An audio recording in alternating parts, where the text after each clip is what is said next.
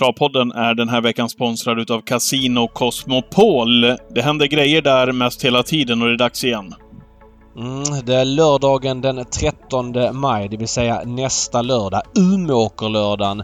Då är det heldag med spelstuga på Casino Cosmopol i regi The Gambling Cabin. Vi kommer vara där från klockan ett. Jag kommer streama min del i travet därifrån. Ja, vad kul! Sen, ja, sen drar det igång med fotboll. Eh, det blir Stryktipset snack med Bengan inför dag, den dagens kupong. Det blir V75-genomgång på plats med mig och kanske någon till. Sen följer vi då fotbollen, V75-tävlingarna och sen om man vill efteråt kan man då stanna kvar och spela poker. Det är lite nybörjarpoker och så vidare. Mm. Hade passat mig alldeles utmärkt. Vi berörde det där förra gången också, att det, man behöver inte vara superproffs på det här med, med kortspel för att vara med där. Nej, utan de har ju prova på-turnering eh, som standard vissa lördagar då. Eh, beroende på hur stort intresset är. Och så är det även denna lördag. Det syr man ihop efter efterfrågan aktuell dag. Men man visar även hockey-VM på kasinot nu under den här perioden. Nu spelar ju inte Sverige då nästa lördag men det visas annan idrott på skärmarna. Det blir fotboll på skärmarna. Det blir trav på skärmarna.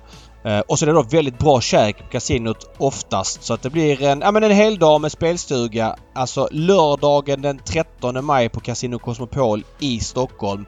Droppa in när ni vill men vi är där från klockan 1 till i varje fall minst 19.00. Alla är välkomna. Ja, om man är 20 år såklart och eh, över det. Alla visar lägg och vi puffar också för stödlinjen.se. Tack till Casino Cosmopol. Svensk seger eller vad är det frågan om? What the horse, what the driver! Välkomna till Travpodden, avsnitt 145. 145. Japp. är, du på, är du laddad? Ja men jag är väldigt laddad. Det finns mycket att snacka om. Det har varit mycket grejer som har hänt sen senast och eh, vi har en otrolig travdag framför oss på lördag på Åbytravet dit jag självklart ska Mhm. eh, för att se de här racen. Så att, eh, ja, jag är peppad. Jag är inne i... När eh, bestämde du för det här? Ja men det var faktiskt ett tag sedan jag gjorde det. Eh, jag... Eh, ja men jag bara kände att jag inte... Det var ett tag sedan jag var på, på Åby eh, och bokade in den här dagen. Ja, bokade ett bord i restaurang Pegasus. Ska dit med lite löst travfolk Mm. och eh, det blir en höjdare. Jag gillar att vara i Göteborg. Det är ju den storstaden i Sverige där man är turist. Mm. Eh, det är man ju inte i Malmö och Stockholm på samma sätt. Eh, eller jag är inte det i varje fall. Nej, det ska bli skitkul. Eh, grym tävlingsdag som vi kommer till lite senare i den här podden. Härligt! Du låter ju piggare än vad du gjorde inför eh, vi startade upp podden här till våra lyssnare efter en, en helg väl i, i Spanien och Marbella va? Du, Precis, lät, lite, ja. du lät lite trött här så jag var lite orolig när vi tryckte på inspelningsknappen här att det här blir en sömnig podd tänkte jag. Nej, det ska det inte behöva bli. Nej, jag var i Marbella i helgen i eh, södra Spanien då på en 40 och 30-årsfest. Oj, Gemensam oj, oj, fest. oj, oj, Jättetrevligt och så oj, vidare, Oj, oj, oj, mör. oj, vad sliten Mm. du är. Nej, men tidiga flighter och sådär gör att man blir lite mör. Så att, eh, men eh, det känns jättebra och nu är vi igång igen och varit och tränat här idag. Så att jag är, jag är på G som man säger. Ja, vad härligt. Vi, vi rörde i förra veckans podd Francesco Zet och när vi satt där i podden så tänkte vi att, eller vi, vi trodde att han skulle starta då i Rättvik. Jag hade sett fram emot att se honom då. Eh, han var ju anmäld dit, det är väl nu på fredag väl, som han skulle ha startat. Ja, det, har varit, alltså- det har varit härligt och jag skrev det, var härligt att få se honom live. Eh, det första man får göra, åka dit och titta på värmningen och bara sitta och njuta av Francesco Zet, men så blir det inte. Ja, alltså vi vidrörde faktiskt inte det i podden för det, det kom samtidigt vi spelade in och vi missade den nyheten att Francesco Zet, för mig mycket oväntat... Okej, upp tog vi aldrig upp det i podden? Nej, vi tog inte upp det. Nej. Nej. Mycket oväntat dök upp i en anmälningslista till Rättvik då fredagen den 5 maj. Och så låg han där i någon dag, två dagar kanske. Men sen så bestämde sig Daniel Redén för att ah, jag vill nog ha ett lopp över full distans på honom istället för ett sprinterlopp som det då var på Rättvik. Så jag byter till Umeåker och vad heter det? Bernt Johanssons pokal va? Femårsloppet Bert, där. Bert, förlåt. Bert Mm. Johanssons pokal. Eh, som är då nästa lördag, lördagen den 13 maj. Och eh, ja, jag vet inte. Vad säger vi om det här då? Jag har ju haft Francesco Zet som extremt låg chans eller risk beroende man ser på det att han går ut i Elitloppet. Eh, När han dök upp på, i Rättviks anmälningslistan så fick jag ändå känna att okej, vad, vad, vad var det här? Redén är ju lite smygare. Han berättar Ja. kanske inte alltid hur han tänker matchningsmässigt, vilket det finns... Nej, han har en räv bakom örat, men här var ju anmäld också till kortdistansloppet, ska vi säga det. Marknadssprinten väl, på Rättvik. Precis. Och det loppet var ju då den 5 maj, vilket innebär att om han då eh, hade Elitloppet i pipen så skulle han kunna få in ett lopp till innan Elitloppet. Som är då den 28 maj. Så säger att han skulle kunna starta, säg mellan den 15 och 18 ungefär. Eller kanske mellan den 13 och 18 säger vi. Eh, men nu valde han då att skjuta på starten en vecka, lite mer till och med, till den 13 och därmed hinner han ju absolut inte göra två starter innan Elitloppet. Eh, och han byter kort distans mot medeldistans vilket ändå får säga eh, är väl mindre Elitloppsförutsättning sådär. Ja, det är det ju, men är det inte också att lite mer lugn och ro och harmoniskt för Francesco att komma ut och slippa stressa över 1640 det första han gör, utan kanske, kanske komma ut och få en förhoppningsvis lite mer behaglig upplevelse än vad det kan vara att springa 1640 och komma ut och springa en, ja, men en, tio, en 10-tid. Att det, att det så är, är det. tanken. Så är det. Och då pratar vi om årsdebuten isolerat men om vi lägger in om det här är ett plus eller minus för Elitloppet. Vad tror du han gör? Ja, han är ju, han är ju stört omöjlig att räkna på, Daniel, när det gäller de här bitarna. Det är ju... Ja, om du frågar mig så säger jag väl att det är ehm, 65 procent att han inte startar och 35 att han startar. Mm. Ja, jag har ju trott att det varit 5 att han startar och 95 att han inte gör det under hela våren. När han dök upp i Rättvik så kände jag oj, nu kanske det helt plötsligt är 60-40 att han inte startar. Men att han bytte till Umeåker gör ändå att jag drar ner det till ja, 20-80 kanske. Eller 80-20 att han inte startar. Eh, dels är Jaha, ju du, är, Francesco är jag för optimistisk, tycker du? Nej, det vet jag inte. Du säger vad du tror, jag säger vad jag tror. Ja, men dels är han en nybliven femåring. Eh, jag gissar att han kanske vill ha något lopp till i kroppen. Men vi har sett Redén göra sådana här matchningar tidigare. Vi kommer ihåg Propulsion i Elitloppet 2000.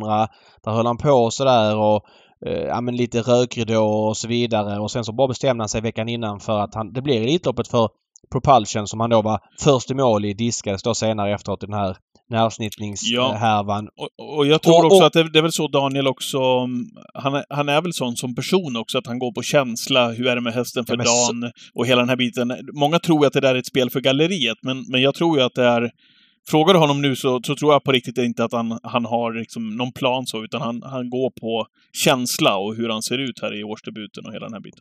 Ja men så är det och att han har matchat så tidigare tyder då någon procent på kanske att, att det kan bli så. Han gjorde även så med Don Fanucci Zet i årets Prix d'Amérique där han bara gick rakt ut i Prix d'Amérique utan lopp i kroppen.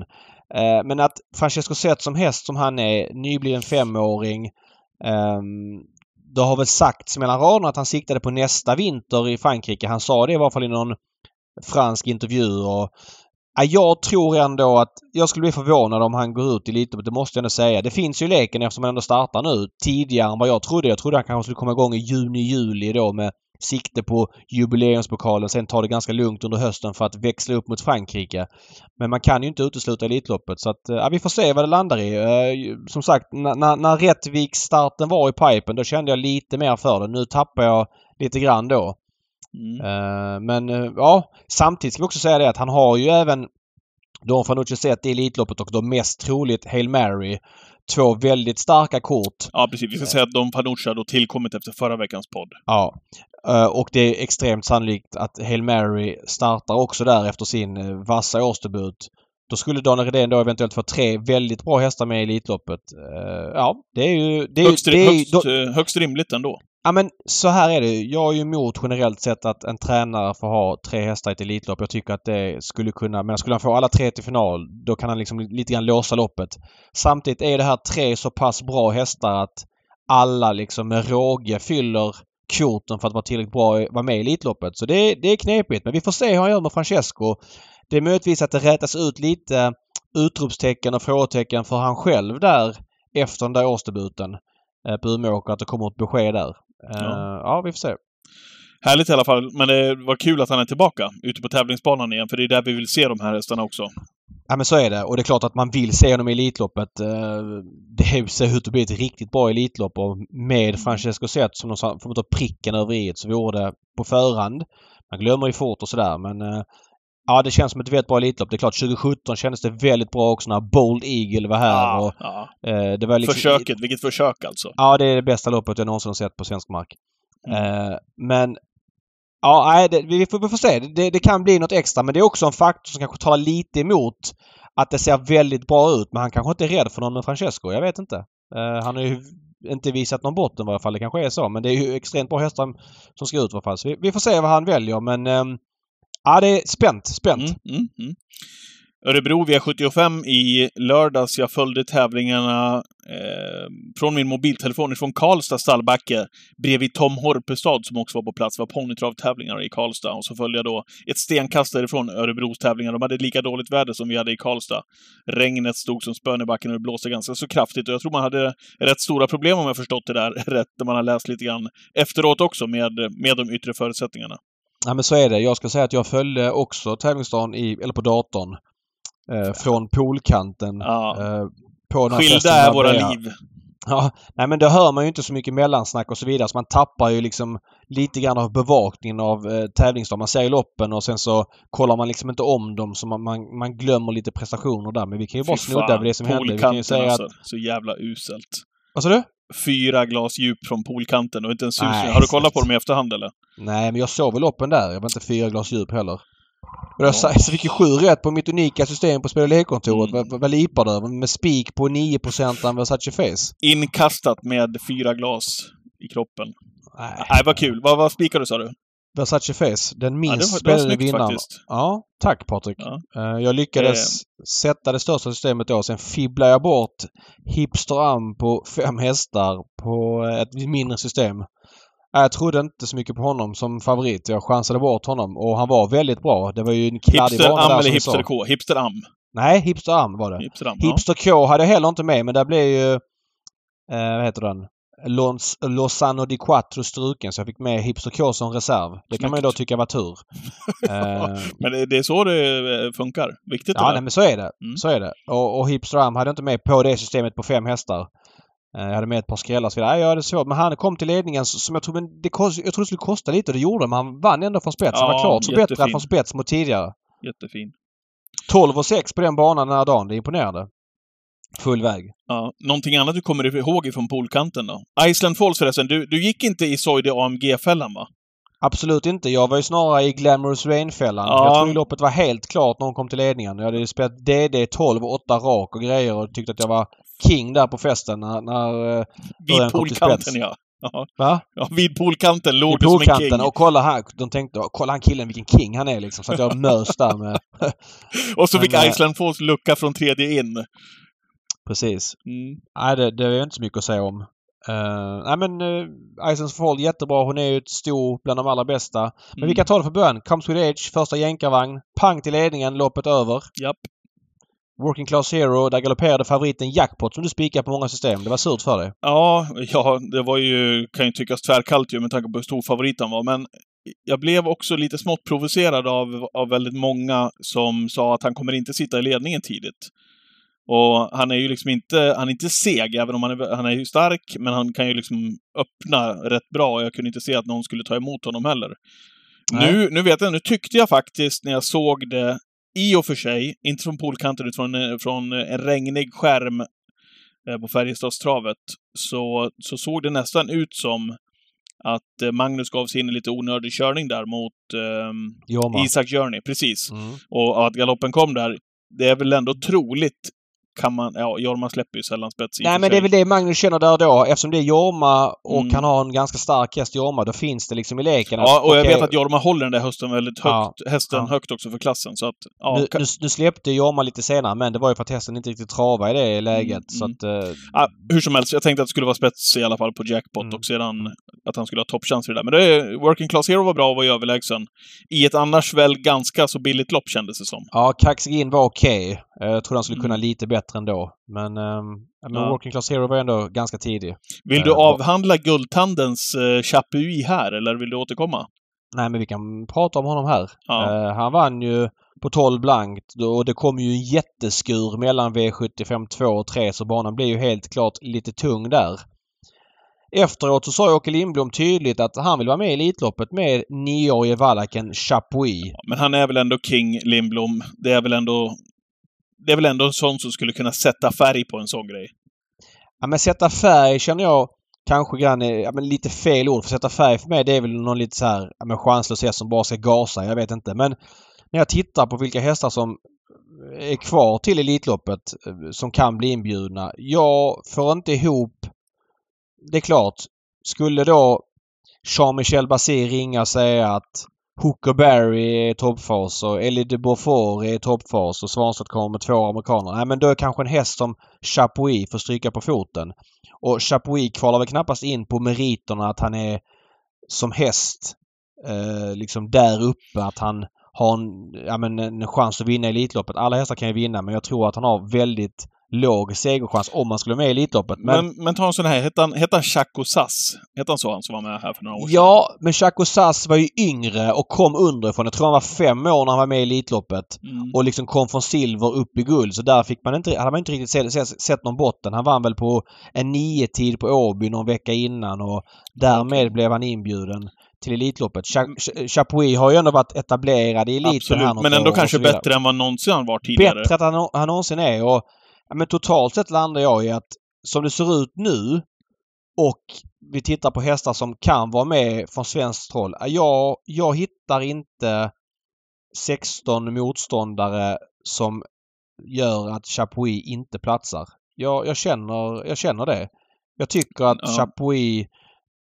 Alltså det är klart att mycket gör att det är Åke Lindblom som Det var, tränar det, och det var det jag menade med färgstark, för att en sån kille är ju är ju också någonting som Elitloppet ibland behöver. med men- hans charm, med hans sätt att uttrycka sig. Han kommer väl med hela Närke till, till Solvalla dessutom som Ja ska men hålla och på han har aldrig varit med i Elitloppet tidigare. Alltså, och Nej. han sa då i intervjun att det kanske är min sista chans att vara med. Det är klart att det är en story i sig. Jag menar, Men Lindblom är väl en stark profil också? ja men det är klart att den är. Men hade det funnits 16 stycken Horse Dream Mm. som är liksom av den superkalibern som är så bra hästar att man vill se dem. Ja, men då kanske den här storyn får stryka lite på foten. Men vi är ju inte i det läget. Vi har åtta inbjudna hästar som känns mer eller mindre givna. Det är klart att Just Believe från eh, Australien kvalar in på andra meriter då som Oceanien-representant om man vill se hur de står sig mot svenskar.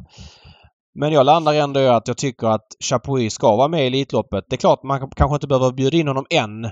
Man kan känna lite på det. Nu valde ju Åke Lindblom för mig lite oväntat att tacka ja till Paralympiatravs inbjudan och hade han inte gjort det då tror jag att han hade haft någon procents bättre chans att vara med i Elitloppet. Det är klart, skulle han spetsa på lördag, släppa till någon och sen så vinna på open stretch, ja då blir han väl helt given. Men det finns ju också en risk att han spetsar, släpper och, och liksom är sexa i mål och dalar lite över upploppet. Nu vet vi att hans bästa distans är den korta så att det finns ju en, ett, en viss grad av att han är ursäktad av det. Samtidigt har han varit så pass väldigt bra på slutet, Chapuis. Så att han, man, man, han har höjt sig i år. Man vet inte riktigt hur mycket han har höjt sig. Eh, Jag tror att han har förbättrat sina eh, Elitloppschanser lite Ja. grann genom att inte gå ut där. Men, Men, men, då vill, man, då vill man inte se honom i spets på, på lördag och bli kall därifrån. Eh, det, Nej, men jag då tror inte att han ju- kör spets. Jag, tror- jag tror att han släpper, släpper till någon. Men han har ju alltså i år har Chapuis alltså startat en, två, tre, fyra, fem gånger. Han har varit etta, tvåa, etta, tvåa, etta. Låt vara att det har varit i gulddivisioner som har varit lite sämre. Nu är ändå tvåa över full väg eh, den 25 mars på Solvalla. Eh, på 12 och 1 och så vidare. Då är han ju bäst på kort distans. Han har sprungit nio tider på tidigare på kort distans. Sprungit 9 och 6 och 9 och 9 och 9 och 8. Tre år i rad liksom. Eh, och vunnit på Solvalla. Eh, en Elitloppssöndag vann han väl på... Okej, 10 och 1 vann han på där 2000. Eh, ja, men han har kvaliteter sa du med i 2000? Elitloppet.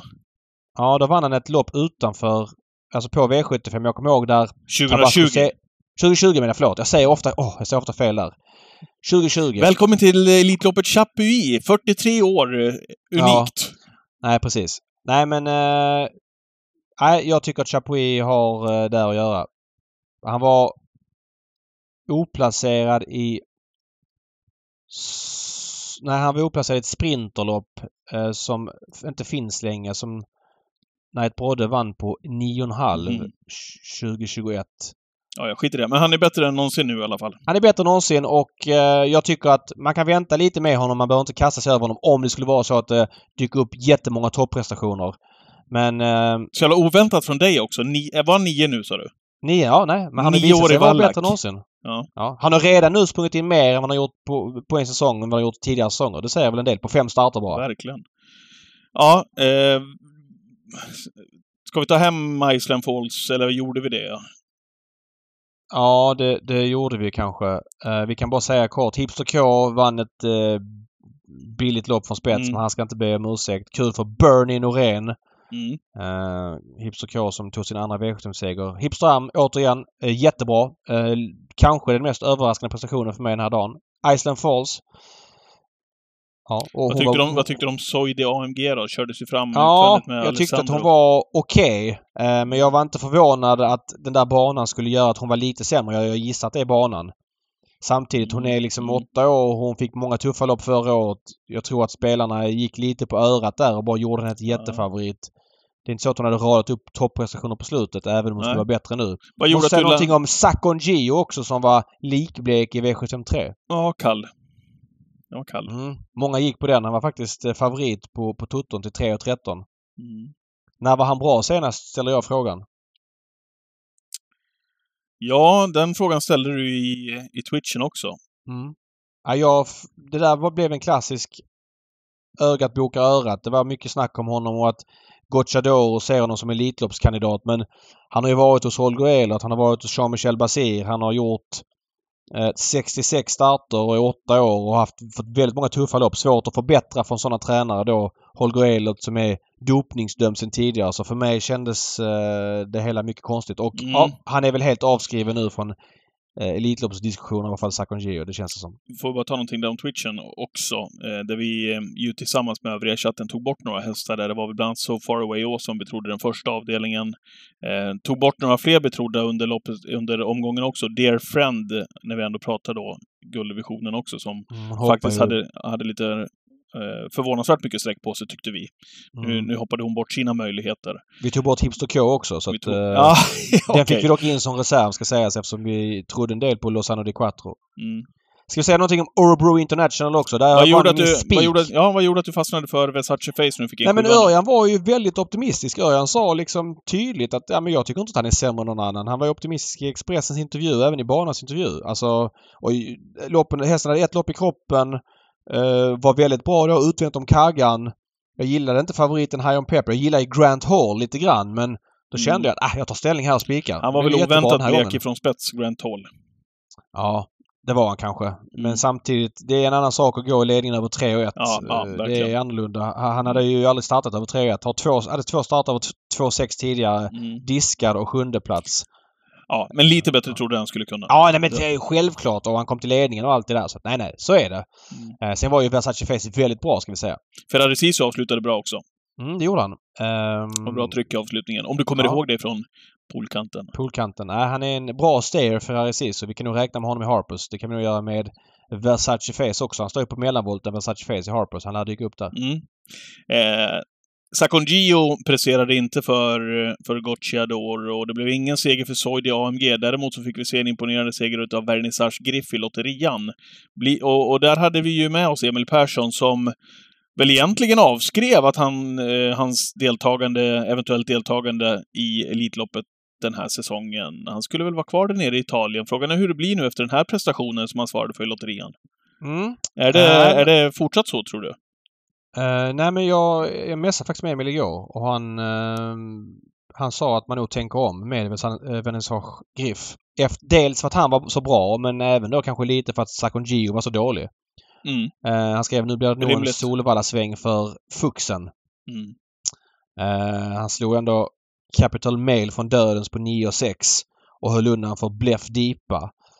Eh, ja, jag vet inte hur många gånger Emil var inne på att det kanske var bästa insatsen i hästens karriär. Han har ju varit Ja, väldigt bra han har ja. vunnit Jämtlands stora pris och vann väl även Årjängs stora sprinterlopp något Ja, år. Men... Han är ju jävligt mäktig när han får eh, allting att stämma, Vernissage Griff. Ja, samtidigt har han inte fått det i Elitloppet Nej, tidigare. Så nej. det är kanske han är nio år nu. Det är kanske inte en häst man känner wow och honom vill jag se. Men visar man så pass bra form eh, så tycker jag att man ändå liksom... Svårt att dissa honom, så är det ju. Men vilka ska vi ha in då, David, i Elitloppet? Du nämnde på de här 16 hästarna här, Chapuis. Um, ska jag slå upp listan här? Ja, Vilka det är ligger- åtta som vilka är inbjudna. Vilka ligger närmast till hands? Vi Alltså ska säga det att är Fanucci väl... fick en inbjudan i lördags Ja, också. precis. Det behöver vi knappt kommentera för det var Nej. extremt givet. Vilka ligger närmast till hands då? För Vernissage Griff är väl efter den här prestationen given, va? Om man vill. Ja, men så här, det är åtta nu. Vinnaren Finlandiaio, det är nio. Om det inte är Don Fanucci set, så att säga. Men det, och det är ju bra chans att det är Don Fanucci set för att han möter överkomligt motstånd. Vinnaren med Roads lopp 10 maj, där kan vi nog få någon oväntad. Om det inte är så att Hail Mary går ut där och får sin inbjudan där. Och Mm. vinnaren Gävle veckan innan. Eh, om vi då räknar med att det är ingen av de inbjudna som vinner om loppen så är vi uppe i 11. Och sen har vi alltså fem kvar. Ja, i nuläget ser jag gärna... Vi har ju inte så många svenskar med, det är ju det som är grejen. Eh, det är klart att man gärna ser Francesco Zet. Eh, och om vi säger att han vill det är 12. Och sen ser man gärna Hönek såklart. Det är 13. Just det. Och sen... Och, och, men sen måste vi trycka in några svenskar för att det blir väldigt få svenskar annars. Du, vad har vi för status på Brother Bill? Har du hört någonting där? Nej, jag har inte hört någonting. Han har inte startat på evigheter. Jag vet faktiskt ingenting om honom.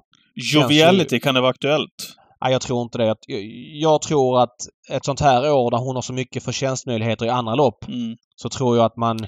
Och det ser så tufft ut, ut i Elitloppet så tror jag man steker det. Sen är Nej, men- ju det frågan med Mr Hercules då beroende på hur blir Nej, med det Don, finns Don inte. Francesco. Eller med han är inte Francesco. tillräckligt intressant Redén-häst för att liksom motivera en tredje inbjudan och absolut inte en fjärde. Då skulle han behöva vinna typ Gävle veckan innan. Ja, men då är vi ju Eh. nere på, då är vi nere på utländska. Nej, men jag, jag tycker... Vad sa vi? Eh, Chapuis eh, tycker jag ska få en inbjudan. Eh, jag tycker en utav... Ja, men kanske Seven Nation Army som dansk häst. Jag tycker Ja, ja en, men det, av, det känns ju verkligen, verkligen. eh, en av Cicero TG eller Stole Show som norskt kort. Mm. Och sen så tycker jag en utav... Ska vi säga vad jag säger? Officer Steven eller Mr F Dag, fjolårstrean som holländsk. Million Dollar Rhyme då? Ja, Eller, Million Dollar Rhyme är där också för att han har varit så otroligt bra i år. man får ge en det. Och... Ja men verkligen. Ja. Och, och Million Dollar Rhyme är en sån som, nu ska man med, fick han spår 1 i, i Paralympiatravet. Går han bra där så blir han riktigt het men han kommer ju ha en exit. Eh, han kommer inte kunna starta med Roads lopp den tionde. Men han är absolut med i diskussionen och med tanke på att det är så få svenskar förhållandevis i år så tror jag att han ligger ganska bra till det. Trots att han har varit med så många år tidigare. Han är ju lite synad ur den aspekten men jag tror det kan landa i att Fredde B har en vettig chans. Ja, Eh, men just- lite grann apropå Chapuis-snacket där. Att han Nej, ser väldigt, väldigt bra ut. Han, han håller ihop travet och han... Det är bra tryck i avslutningarna oavsett Nej, jag håller med resa. helt och hållet. Håller med helt och hållet. Han ligger bra till det. Och för mixens skull. För om Redén då skulle få tre hästar eh, och Gocciadoro får med... Eh, vad heter den? Vernissage Griff. Då har han Hi- två. Undrar om han hinner få ut beads också? Har du hört någonting där? Nej, Beats känns... Det känns som att han inte hinner. Och han, vill, han är inte så intressant på 1000 metersbanan går. 1000 metersbanan då. Så att, ja, där bakom är det tunt med svenskar. Alltså det är Isno Godam. Han tappar travet senast. Känns som att han är för kort i rocken än så länge. Där bakom är det liksom inga svenskar som är aktuella. Så att jag... Det gör nog att... Jo, det skulle vara... Nej, Brambling är ju Redén-tränare. Jag tror att han var lite blockad av det. Nej, då... Precis. Nej, det tror jag Ja, det inte. kanske är som clickbait går och vinner uh, Gävle veckan innan. Han brukar hitta formen när det blir varmare. Mm. Men då måste han vara klart förbättrad. Men det tittar man på listan så är det inte så många svenskar. Eh, det skulle vara kanske Four Guys Dream om han går och vinner något lopp också innan. Men eh, nej, det är väldigt ja, men få på, svenskar. på Håkan K-faktor, ja, i så fall. Ja, Men det, det men är Fredde B, långsökt. Fred, det är Fredde B's S i rockärmen. Dels att han har varit så bra i år, Million Dollar Rhyme. Men även att det är få svenskar och att han har varit... Ja, nej, han, han och... Ja, jag, n- när jag funderar på det ju, ju klarare blir Chapuis. Att. Chapuis. Jag tror du skulle säga Million Ja. Rhyme. Okej. Nej, men Dollar Rhyme också. Bra chans båda två. Vi får se lite grann vad som händer i övriga lopp. Vinner Don Fanucci då, Filandiaio, då går det ju bort eh, en plats och då kanske det öppnar upp sig för, för någon, om någon finländare går bra. För att få hit en finsk häst. Det är också en aspekt såklart. Mm. Så att, eh, och så vet vi inte om Emoji kanske går bra som danskt kort framför Seven Nation Army. Den Men Seven Nation. Army har ju varit... Alltså det är ju en ruggig sprinter alltså. Var det på, Mm. var det på Färjestad han gjorde det där loppet? Eller vart var det någonstans? Ja, det var det. Sen har vi ju andra hästar som, som så här, eh, Aetos Kronos kanske och, och som kan blanda sig i leken och ta en sista biljett. Så det finns ju hästar kvar. Oscar Ela var ju besvikelse i årsdebuten. Var har vi honom? Det finns några bakom men eh, ja, de tror jag, de vi nämnde känns hetast just nu i alla fall. Du, eh, V75-tävlingarna nu på lördag då? Ja. vilka race. Ska vi, ska vi ta en, eh, en titt? Jag tycker det. Jag tycker det. Det, det, är, det är verkligen värt att ta en titt. Ja. Eh, har du bläddrat upp Åbys tävlingar? Det är väl... ehm, är det risk för mediumutdelning, va? Ja, men den risken finns ju. Samtidigt blir också risken, eller chansen för bra utdelning bra med tanke på att det är två jättestora favoriter och jag kan absolut se båda bränna. Eh, Men vi kan ta det från början. Ketaka Ja. River blir favorit i första. Hoppas senast bakom bilen. Vad Vågar man sig på honom nu? Ja, skillnaden den här gången är väl att han landar på 35 procent istället för, för som senast. Är Men Han väl... möter bättre hästar nu, gör han inte det? Eller det var visserligen en bra silverdivision då. Men eh, han möter Power Doc som var avslutad väldigt bra i Orebro International. Global Concept med lopp i kroppen. Global Concept är väldigt fin. Eddie Bear med årsdebuten avklarad Ja, från ett perfekt på, läge. på, Melby Jinks förvandlingsnumret hos Daniel Wäjersten. på kapacitet och näst senaste insatsen på Kentucky River så landar han runt 35 så är det väl läge att ta omtag, va? Ja, jag funderar lite grann. Det, det är tufft att gå i ledningen över 2,6 en sån här dag. Många bra hästar slinker med på innerspår och får luckan till slut. Mm. Då måste man vara riktigt Sen bra till- om. Ja, så Ja. är det. Sen kommer vi till en av mina favorithästar efter det hon visade senast. Eller visade senast, hon har sprungit in 18 miljoner. Men eh, just att hon gjorde det på svensk mark och på det sättet. Joviality. Jaha, Mm. hur ska hon bränna då, David? Ja, men då vänder jag på. Hur ska hon vinna? Alltså, inte helst. att hon inte kan vinna. Men det är klart att hon kan vara så bra att hon bara vinner från döden. Så hon kanske bara vinner från tredje ut. Hon kanske körs till spets och vinner därifrån. Jag tänkte säga det, är det Men- någon som vill svara över med, med, ja, med men stretchen? det tror jag. För jag tror inte det är en manglarhäst. Jag tror inte att man kommer köra på det sättet. Utan jag tror att man... Då glider man så fram i döden. Så jag tror att både Riverdale Z nummer ett och framförallt två Marazon provar i spets om man kommer dit. Erik tog en safety senast med... Men är det inte guld, Gulden, Guldenburg för dem om de kan sitta i ryggen och vänta på stretchen? Och sitta i rygg på Joviality? kanske, men det beror på när hon kommer. Erik tog sig ändå lite tid att köra fram senast och vi vet att det ska bli sol på lördag. Kommer bli snabba förutsättningar. Eh, Får man upp farten så håller man bara den. Det är inte så att man bara liksom tar upp, tror jag. Ja, jag är inte säker på henne som jättefavorit. Eh, Jag säger gärna att hon vinner för jag gillar hästen och det är bra för kullen och allt det där. Men som 62 i nuläget Alltså så här, vi, vi vet ju inte hur mycket bättre hon är än, än de här invändiga på svensk mark ännu. Hon har ju visat det tidigare men Mm. det är ju inte givet att hennes kurva bara pekar uppåt och flera av de andra går barfota och så vidare. Hon går fortfarande med skor. Mm. Nej, det finns... Eh, jag tycker det finns intressanta objekt. Jag blev ruskigt imponerad av Riverdale Z senast. Vilket Ja, intryck över mål. verkligen. Och Omara Zon. Eh, barfota nu igen då så att... ja, Mm. Given favorit Joviality men eh, det kommer nog bli värde här gå däremot. Känner jag. V75s tredje avdelning är klass 2-försöket det. Eh, favorit 5 Winner Brodde tillsammans med Johan Untersteiner. Mm. Känns som att Johan Untersteiner eller stallet har väldigt många hästar i den här klassen. Fyraåringar som har ganska lite pengar på sig. Um, Anmäld barfota runt om igen efter att tävla med skor här. Eh, Kaxig in, eh, den här Blue Boy Face, eh, Keops. finns väldigt många i låg klass som är duktiga i deras stall. Mm. Ja, jag vet inte. Ska, ska, jag såg att det var anmält barfota. Ska den vara Ja, bäst precis. bara? Ja, vi, får, vi får kolla igenom det där noggrannare till på, till på lördag. Jag gillar den här Jonathan Star som Erland Rennesvik kör. Nummer 12. Mm. Kanske är det jobbigt att vinna från spår 12 den här dagen men Mm. som låg singelprocentare känns den eh, intressant rent spontant. Eh, ja, det, har, har vi, vi borde kunna plocka fram någon statistik just det där på Åbytravet, va? Eh, när det gäller eh, att vinna från spår 12. Det är många som säger att man påbyr är svårt med open stretch, men man ska göra klart för sig att det är många som normalt är ute och vinglar i tredje och fjärde spår sista 5, 6, 700 meter utav travloppen. Eh, som inte har någon chans, vilket gör då att de här spår 12-hästarna ofta kommer bort på de vanliga banorna. På Åby är det ju många som chansar invändigt istället, just med tanke på att det är dubbla open stretch. Det gör ju att de här bakspårshästarna ofta kan glida fram till ganska så hyggliga slaglägen. Mm. Eh, sista fram den- 700. Vi plockar fram den infon till streamen på, Mm, mm, på lördag. Jag kommer ju vara på plats på Åby så jag kommer att gräva fram den personligen Ja. annars på plats. Ja, vad härligt. Eh, Bedazzled Socks. Eh, favorit i Kungapokalen med en miljon till vinnaren. Mm. Det känns väl eh, lite fel va? Han ska väl dansa både vara favorit känner jag spontant. Han tar väl ledningen. Han är ju startsnabb. Spetsar ju British Crown-finalen på Eskilstuna där spåret är så dåligt i november. Mm. Nej, jag, jag tror att han blir svårslagen från spets eh, rent spontant. Jag kan Eh, ju inte tror- släppa en häst barfota runt om nu. Hustle Rain. Nej, 2 procent David. Nej, jag håller med dig och jag kommer betala för Jicken också. Två lopp i kroppen. Hans intryck senast var klart förbättrat. Eh, Han kommer vara enprocentare. Mm. Ja, men få Hustle Rain på 2 det är ju... Ja, nej, nej men Ja. jag, jag håller med dig. Jag håller med dig. Det kan ju bli körning också. Men Abedessa Sock ska framåt och Tetrik Vanja ska framåt och Jeppson ska ner i rygg och det kommer vara stängt. Ja, Lugauer lägger sig inte på rygg, va?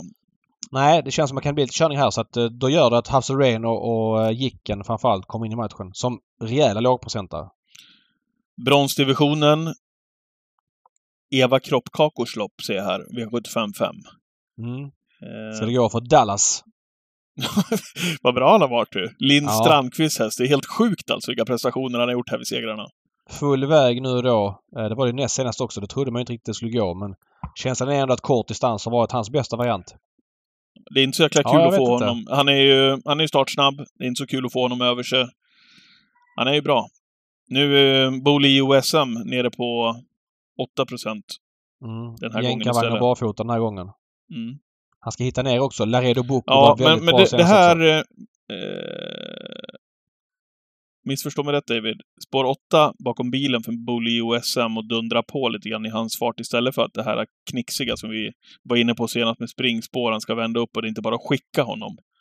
Eh, det behöver inte vara helt, helt iskallt, faktiskt. Nej. Nej, vi får se. Står, Jag kommer halvhårt, betala- halvhårt inne på pengarna dock. Jag kommer betala för uh, Laredo Boko. Kan jag spontant. Alltså det hårt inne, det är ju ett sånt här försök där eh, hästar från storeliten eh, får vara med. Eller Ja, ston som Det- har tjänat det är upp roligt, ja. till... Vad är det? Upp till 1,7. Ja, det är skitspekulativt. Det håller jag med om. tyckte den där också. Winnie Two Första jänkarvagn på Heroin Darling. Det känns som att det kan ge en kick. Ja. Mm. Winnie Two Diamant är med där också. Det var väl den som var ute mot Tom Jerry Diamant senast. Ja, det får vi kika upp lite närmare det där loppet när vi kommer dit. V75 avdelning 6 då, som är Mm. eh, silverdivisionen. Ja. Favorit 4, Hidalgo Heldia. Ja, fick kasta ankar senast. var ju en tuff styrning där av Jorma men eh, ja, jag vet inte. Det känns som att den här hästen har varit för bra för sin klass hittills. Eh, men inte kanske är den modigaste. Kan man, kan man försöka sätta in honom i det facket eller är man taskig då?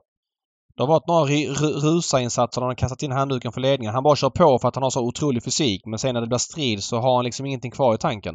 Nej. Ja, det känner jag i alla fall spontant. Charlie Brown SF har två lopp i kroppen nu. Kanske borde kunnat lite bättre senast men eh, ja. Jag kommer betala för honom som 3 i alla fall. Jag tycker han är så sjukt fin. Karat River också 19 känns ju som ett... Varför gick han ut här, Karat River? Vet du det? Jag Istället för... Istället för i första V75 som är Lyons... eh, Ja, jag vet inte. Man lopp för det femåriga hästar. Det här var, Lyon var, var lättare gissar jag. Så ja. är det. Vi har ju King of Everything också som var så otroligt bra på Axevalla senast. Balboa Lux blir ospelad nu. Det var ju drag på den senast och sådär. ja, verkligen. Jag gick ju på den Mm. på många kuponger. 2 Golden procent Guard det. ho- hoppade senast. Vi fick ingen riktig syn på hur han var i ny regi. Nej, det blir 2 procent. Mm. Nej, Golden Guard. Men den Mm. hade ju den hade vunnit några starter i ny regi där. Ja, jag vet, men vi fick inte riktigt syn på den. Den hoppade ju senast, så det var ju inte så att Senast, den liksom kallnade. Nej.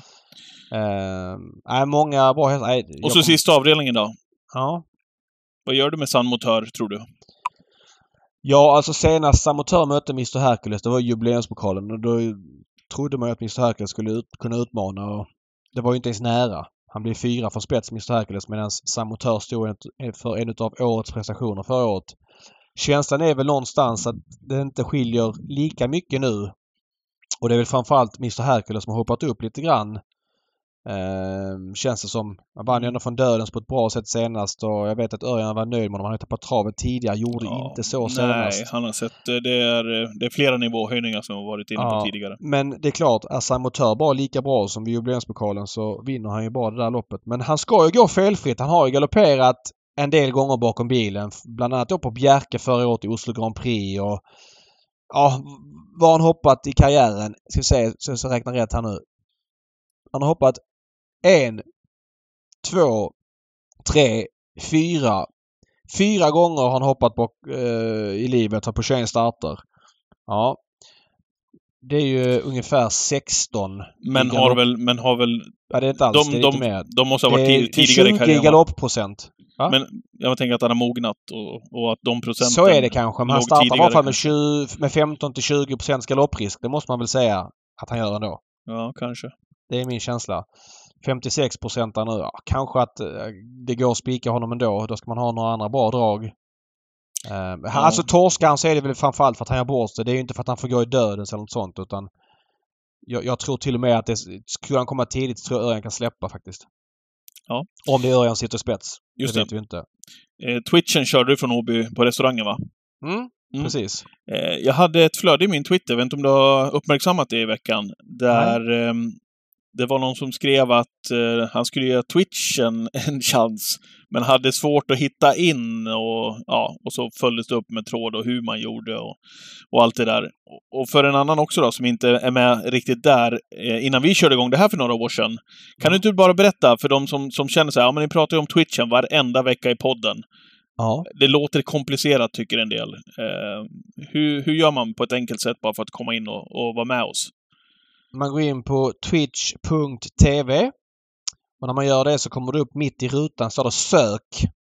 Och på sök skriver man The Gambling Cabin i ett ord. Spelar ingen roll, det, men det är bästa. upp ändå. Mm. Trycker man på enter och så överst kommer The Gambling Cabins kanal och så klickar man på den och så kommer programmet starta automatiskt när vi börjar live då klockan ett på lördag.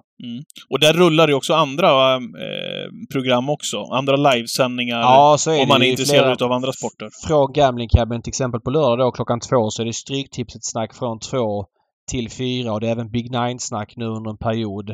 eh, Och sådär. Så det, det är massa. Det är hockey på torsdagar när det är säsong för det. Det är home game poker på onsdagar. Det är lite streamar inför Europatipset om man ska komponera ihop en sån lapp när det är dags för det. Ibland är det allsvensk måndag och sådana grejer. Så det är full rulle på Gambling Cabins Twitch-kanal. Härligt! Eh, någonting annat innan vi går in på hiss och diss? Jo, förresten en sak. Jag var ju på Rättvik och jobbade här för några dagar sedan. Jag vill bara Ja. säga det att jag såg en liten eh, Propulsion-avkomma eh, som var ute. Fyra år faktiskt. Never mind them. Har du sett den? Startat typ tre, fyra gånger. Ja, jag har sett den. Eh, jättehärlig. Liten propulsionhäst propulsion-häst som du kan hålla utkik på framöver.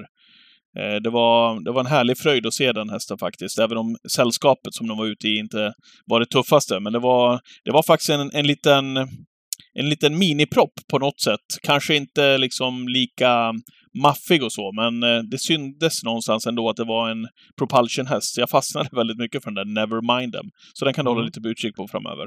Du, du kommer få problem med de här. Eh, han har Needem, Ja, jag vet. Det, det är Eh, han hopplöst. har, eh, Fullständigt hopplöst. Notice M Mm. och Nevermind Them. Ja, Det är katastrof lite som en... de här Global Welcome, Global Withdraw, Global eh, Wise Guy och Global Vegas. Nej men det var så många globalhästar. Jag sa det till eh, Micke Nybrink för 20 år sedan när han började gnälla över digital-hästarna, tror jag att det var. Mm. Eh, och så sa han det är helt omöjligt att hålla reda på dem. Så här, men nu får du...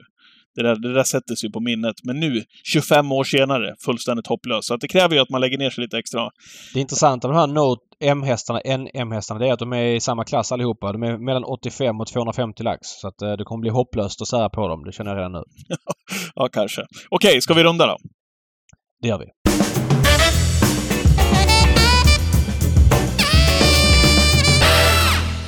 Ja, jag har ju hamnat lite grann här eh, och dissat här, känner jag. Väldigt länge. Nu är det din tur. Ehm, ja, alltså eh, diss och diss, allt är relativt. Men något som ändå aldrig slår fel det är ju tunnheten i loppen på Jägersro när det gäller antalet hästar. Det är ju den bana som jag skulle säga har överlägset eh, flest startplatser som inte är fyllda en tävlingsdag. Eh, Solvalla hade ju en hel del här nu under ett par år. Men man tog bort ett antal tävlingsdagar och det har blivit mycket bättre på Solvalla nu under 2023. Jag vet inte vad Jägersro ska göra. eh, Men det är ju lite grann den geografiska, geografiska positionen man har också. Jo, jo, men då får man väl köra ett antal tävlingsdagar så att det hänger ihop med efterfrågan att starta hästen på banan. Det är ju ändå den banan som ligger närmast kontinenten. Så det är ju danskar och holländare och tyskar och allt vad det är som vill komma dit. Eh, idag, eh, tisdag den 2 maj, V64-loppen är eh, V641, 7 hästar. V642, 7 hästar. Mm, V64 3. ja. 12 hästar. V644, 9 hästar. Sen Jag- följs av nio hästar igen. Jag vet att eh, Jägersro har ju fått mycket, mycket skit för det där genom, genom åren, att det är få, Mm. få startande eh, hästar. Vem var det vi Mm. diskuterade det med? Var det Konrad Lugauer eller var det med någon av Colginis också som sa om du kollar på konkurrensen som finns där. Ja, Jocke Löfgren sa Jocke det Löfgren också. sa det också. Och, det, och det, det är rimligt ändå. Att du istället för att de här omkringliggande banorna, nu säger jag ändå Kalmar då, det är en bit till Kalmar, men du förstår vad jag menar. Mm. Eh, att de ska ta resan till, till Jägersro eller de här andra banorna som ligger runt omkring. När man vet att man ska stöta på lite Lugauer-hästar, vadå, lite så är det på Colgjini-hästar, alla lite banor också? Löfgren-hästar. Det är väl inte Jägersro Ja, unikt i? Nej, men ändå Alltså- väldigt tufft ändå, David. Det känns... Jo, om, det, men om, det, om det kan vara en aspekt ändå. Sen är ju inte Jägersro... Ja, kanske jag, att får, det är det. jag får bli djävulens advokat. Jägersro är inte Men ensamma jag med det här. V64 2, ett eh, kvallopp till Breeders Course. Eh, Finalen körs Elitloppshelgen med en miljon till vinnaren. Det är sju hästar med. Jag vet inte... Solvalla har väl också brottats med det här problemet till exempel. Ja, framför, och Solvalla har ju som jag sa blivit bättre av många aspekter. Men unghäststoppen på Solvalla fortfarande bitvis vissa, eh, viss tunnhet. Framförallt de här vårfavoriten och sommarfavoriten och, och sådär. De har haft problem. De var ju tunna här nu. Både vårfavoriten för ston och vårfavoriten. Absolut. Mm. Men det är ju en sjukdom som finns att, att eh, tränarna med yngre hästar inte vill möta de bästa kullen tidigt. Så är det. Och Mm. det är väl... det är ju utspritt hela, över hela Sverige men när det gäller tunna fält Vad är det, vad är det för ett. första pris i de här loppen du hänvisar till nu på Jägersro? 200 lax i För vet, man blir ju livrädd också när man kommer ut och har... Det, det där har vi pratat om. Man blir ju livrädd Mm. när man har en treåring då, eller något liknande, som ska ut. Och så tänker man, ja men det sista stället att ta dit dem på, ja men då kommer ju Ludde ut och ha någon som, eller Adrian nu, kommer ut och har någon men som då får man väl springer... köra invändigt. Det är 15. väl ingen fara för, för hästen om den kan köra in, köras Ja, men jag tror invändigt att, var det, fyra jag tror och tjäna att 30 det, lax. det ligger dem i fatet. Vadå, att köra invändigt? Nej, att de har så otroligt stark tränarkår med många skickliga... Jo, visst, det är möjligt att det är så. Ja, och, och, men det, på någon vänster så om inte loppen fyll, fylls upp. Det här är ju omsättningshämmande ja, så, så är det ju. Det, det är tråkigt att kolla på också i, i stor grad. Det är klart att det, ett lopp med åtta hästar kan vara skitkul och, och, och sådär. Det är inte så. Men överlag så är det här ett problem som Jägersro har haft i väldigt många år. Mm. Det är ofta tunt i loppen och jag vet inte vad botemedlet är. Mm. Men, men någonting är ju uppenbarligen...